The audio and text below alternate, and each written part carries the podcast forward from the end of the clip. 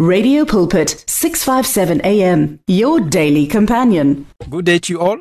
My name is Pastor Arthur, Pastor Arthur Nyamgoneka, and I greet you all in the wonderful name of our Lord Jesus Christ.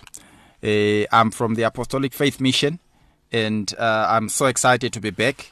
Um, we are laboring on the um, uh, theme waiting upon the Lord, waiting upon the Lord. And under this theme I've got five different subtopics. Uh, Um, the um, we have already dealt with the first one, which I titled "What Is to Wait Upon the Lord," and uh, I was trying to shed light uh, in in, in uh, trying to make you understand um, what what is to wait upon the Lord. And um, towards the end of uh, that session, I was highlighting that waiting upon the Lord is basically to become one with the Lord.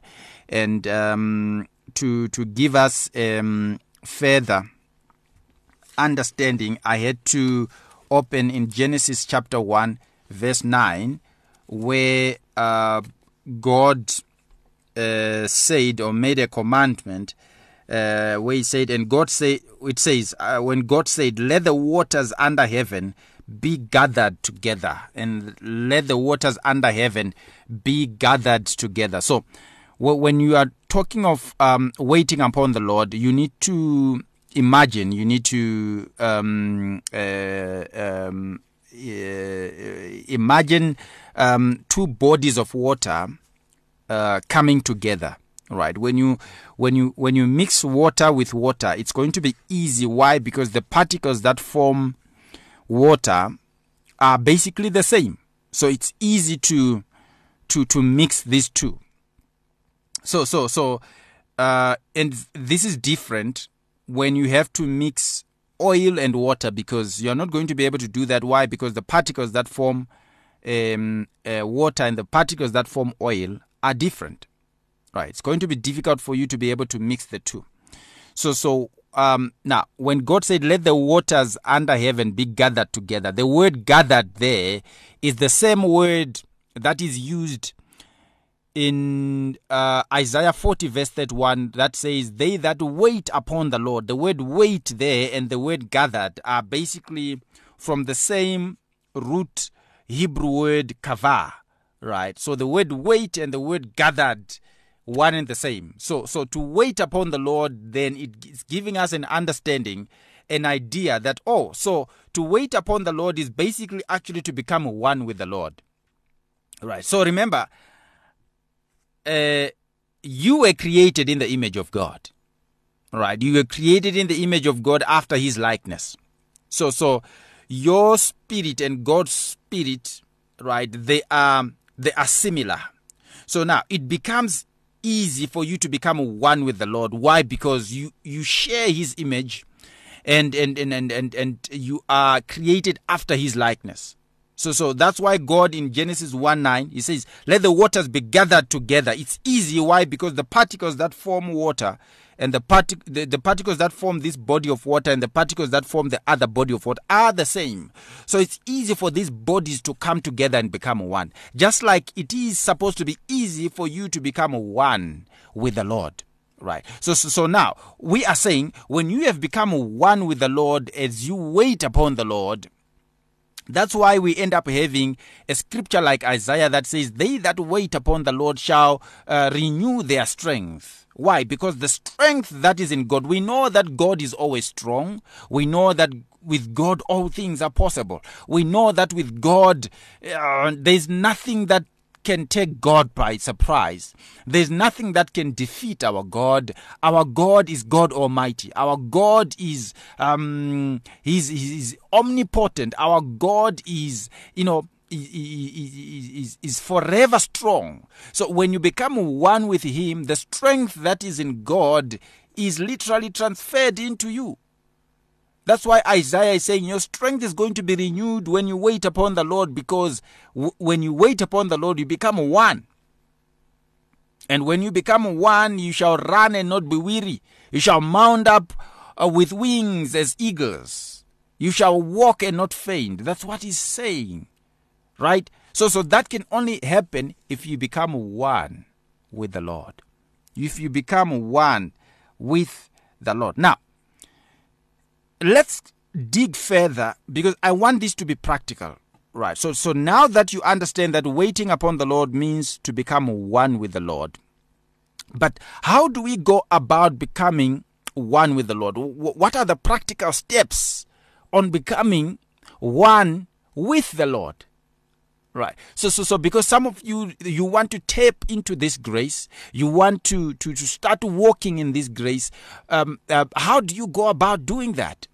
Now, the wonderful uh, thing is that uh, God has already done whatever that has had to be done by Him in order to walk in this grace.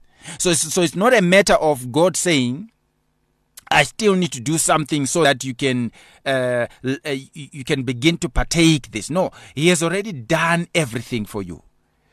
what you just need to do now is to tap into um uh, to have knowledge so that you can tap into that grace yourself because it is your part that is left all right for you to actually start walking in that kind of grace. Now, how do you go about walking in that grace? How do you start practicing being one with God? How do you start uh, practicing waiting upon the Lord and and you know definitely that you're one with him that his strength becomes your strength that his um, joy becomes your strength as the bible as the bible says how do you go about doing that let's let's quickly open psalms 52 verse 9 in fact this second subtopic i've actually titled it waiting on his name waiting on his name because this is going to give us um, a great avenue right in terms of are putting into practice how to wait upon the Lord. So so Psalms 52 verse 9 says um I will praise thee forever because thou hast done it. I will wait on thy name for it is good before thy saints. Wow. I will praise thee forever because thou hast done it. I will wait on thy name, for it is good before thy saints. Now, waiting upon the Lord and waiting on his name, these they share the same uh, meaning. Right. So so waiting upon the Lord is basically waiting on his name. And remember I told you waiting upon the Lord means you become one with the Lord. You become one with Him. And how do you become one with Him? You become one with Him when you share His name. Because His name has already been given to you. That's why I'm saying all that God had to do or all God was supposed to do, He has already done it. So it's not like you're waiting for God to do something about it. He has already done something. He has already given you his name. And and Psalms is giving us an uh, an understanding here that waiting upon the Lord is literally waiting on his name right because when you wait on his name remember you are actually sharing the same you becoming one with his name right so so so the name that is being spoken about here remember it it's the name of the Lord and it is the name Jesus so when you use the name Jesus You are waiting upon the Lord. And remember, waiting upon the Lord means you are one with Him. I want you to follow this carefully. So, so, so, using the name of the Lord, when you use the name of the Lord, when you use the name of Jesus, it means you have just become one with the Lord. You have just become one with Him because His name is everything. His name is everything. His name carries his character. His name carries everything that has to do with him. Right? His name is everything. That's why out of everything that God out of everything that Jesus could have given you, he decided to he decided to he decided to to, to give you his name. He gave us his name. That's why if you open the, the Gospels, you, it's, it's always told, uh, it, it, it's, it's always mentioned that uh, Jesus was saying, In my name you shall do this. In my name you shall do this. In my name you shall cast out demons. You shall cast out devils. In my name, in my name, in my name you shall lay your hands on the sick and they shall recover. In my name, in my name, in my name. So the name is everything. That's why w- waiting upon the Lord means you, be, you are waiting on His name. In other words, by waiting on His name, we, we mean that you are now one with His name. His name is now become your name. That's what it means. So every time when you say, in the name of Jesus, you are tapping into that grace. You are tapping into that grace because His name is Jesus. His name is is is is contains or carries his character. His name is God himself. This is interesting. Someone is asking, how do I tap into this? You tap into this by using the name of the Lord. By using the name of the Lord. Just like we are being told in Psalms, I will praise thee forever because thou hast done it. I will wait on thy name, for it is good. So the reason why they are saying it is good is because from the name, this person is able to get everything. Remember, when you are using the name of Jesus, we you you you get what from the name you get what we call the power of attorney. And the power of attorney means you are able to act on behalf of the person who carries the name. So when I say in the name of Jesus, I'm able to to function, I'm able to to act on behalf of Jesus. It's as if Jesus is actually walking here on earth, the fact that I'm using his name. Because from the name I have all the authority that the name carries. I have um, the right to do whatever Jesus is able to do. So, so if you study the life of Jesus, the life of Jesus was a life that was, you know, full of the miraculous. Jesus was able to do anything. So it means when I say in the name of Jesus, it means I have just obtained the same authority. I'm able to do everything that Jesus is able to do. Why? Because I have the power of attorney. I'm able to act on behalf of Jesus. I'm now automatically an ambassador right? An ambassador uh, for Christ. I'm representing Jesus here on earth. The moment I say in the name of Jesus, I become an ambassador for Christ. So, so if I'm if I'm dealing with the devils, if I'm dealing with, with evil spirits, the moment I say in the name of Jesus, they have to obey. Because I'm representing Jesus. I'm representing the Lord of Lords. I'm representing the King of Kings. So they have to obey me. If they don't obey me, they know they are in trouble. They know they are in trouble. And devils are able to understand this protocol. They know this spiritual protocol. They understand it very well. Right? any spiritual activity is able to understand this protocol that when I use the name of Jesus, I have just become one with the Lord. Whatever Jesus can do, I'm able to do.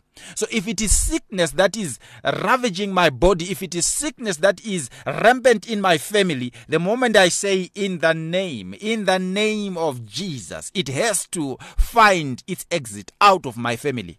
It has to find its exit out of my body.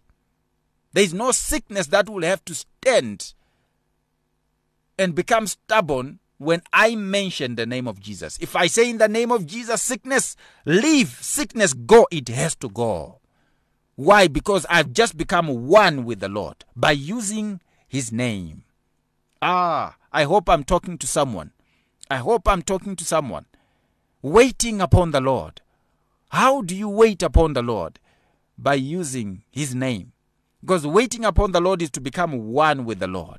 And becoming one with the Lord is through the use of His name.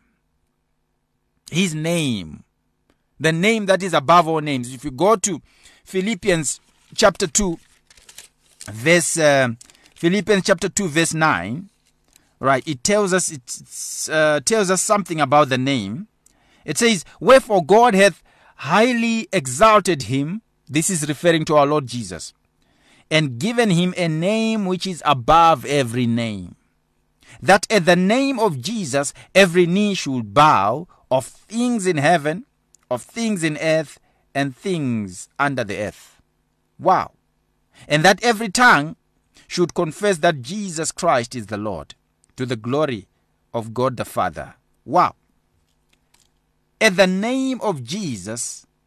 every knee should bow. At the name of Jesus, every knee should bow.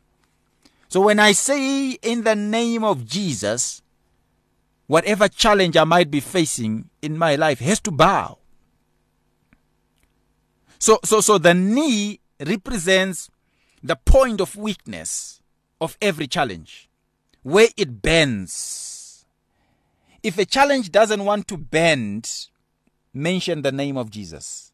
Say in the name of Jesus. And when you say in the name of Jesus, do it with understanding that you are representing the Lord, that you are standing on behalf of the Lord, that you are an ambassador for Christ. Do it with understanding. Don't, don't do it out of fear. Don't do it out of for the sake of just trying to see if it works and no, do it with understanding. do it with under be convicted do it with conviction that i i am representing the lord so if i say in the name of jesus sickness come out it has to come out of my body if i command sickness out of my my loved one's body it has to obey because i have all authority by virtue of the name of jesus through the name I have just become one with the Lord. Possibilities are limitless when I use the name of Jesus. So you need to follow the same. As you go and practice this, may God richly bless you. Thank you so much. Amen. There is radio and radio, and then there is 657 AM. Can you hear the difference? Well, there is a time to surge and a time to give up, a time to reap and a time to sow. Radio Pulpit wishes to be there at all times, even when you just need prayer. Send us your prayer requests by calling 067 429 7564 or email it to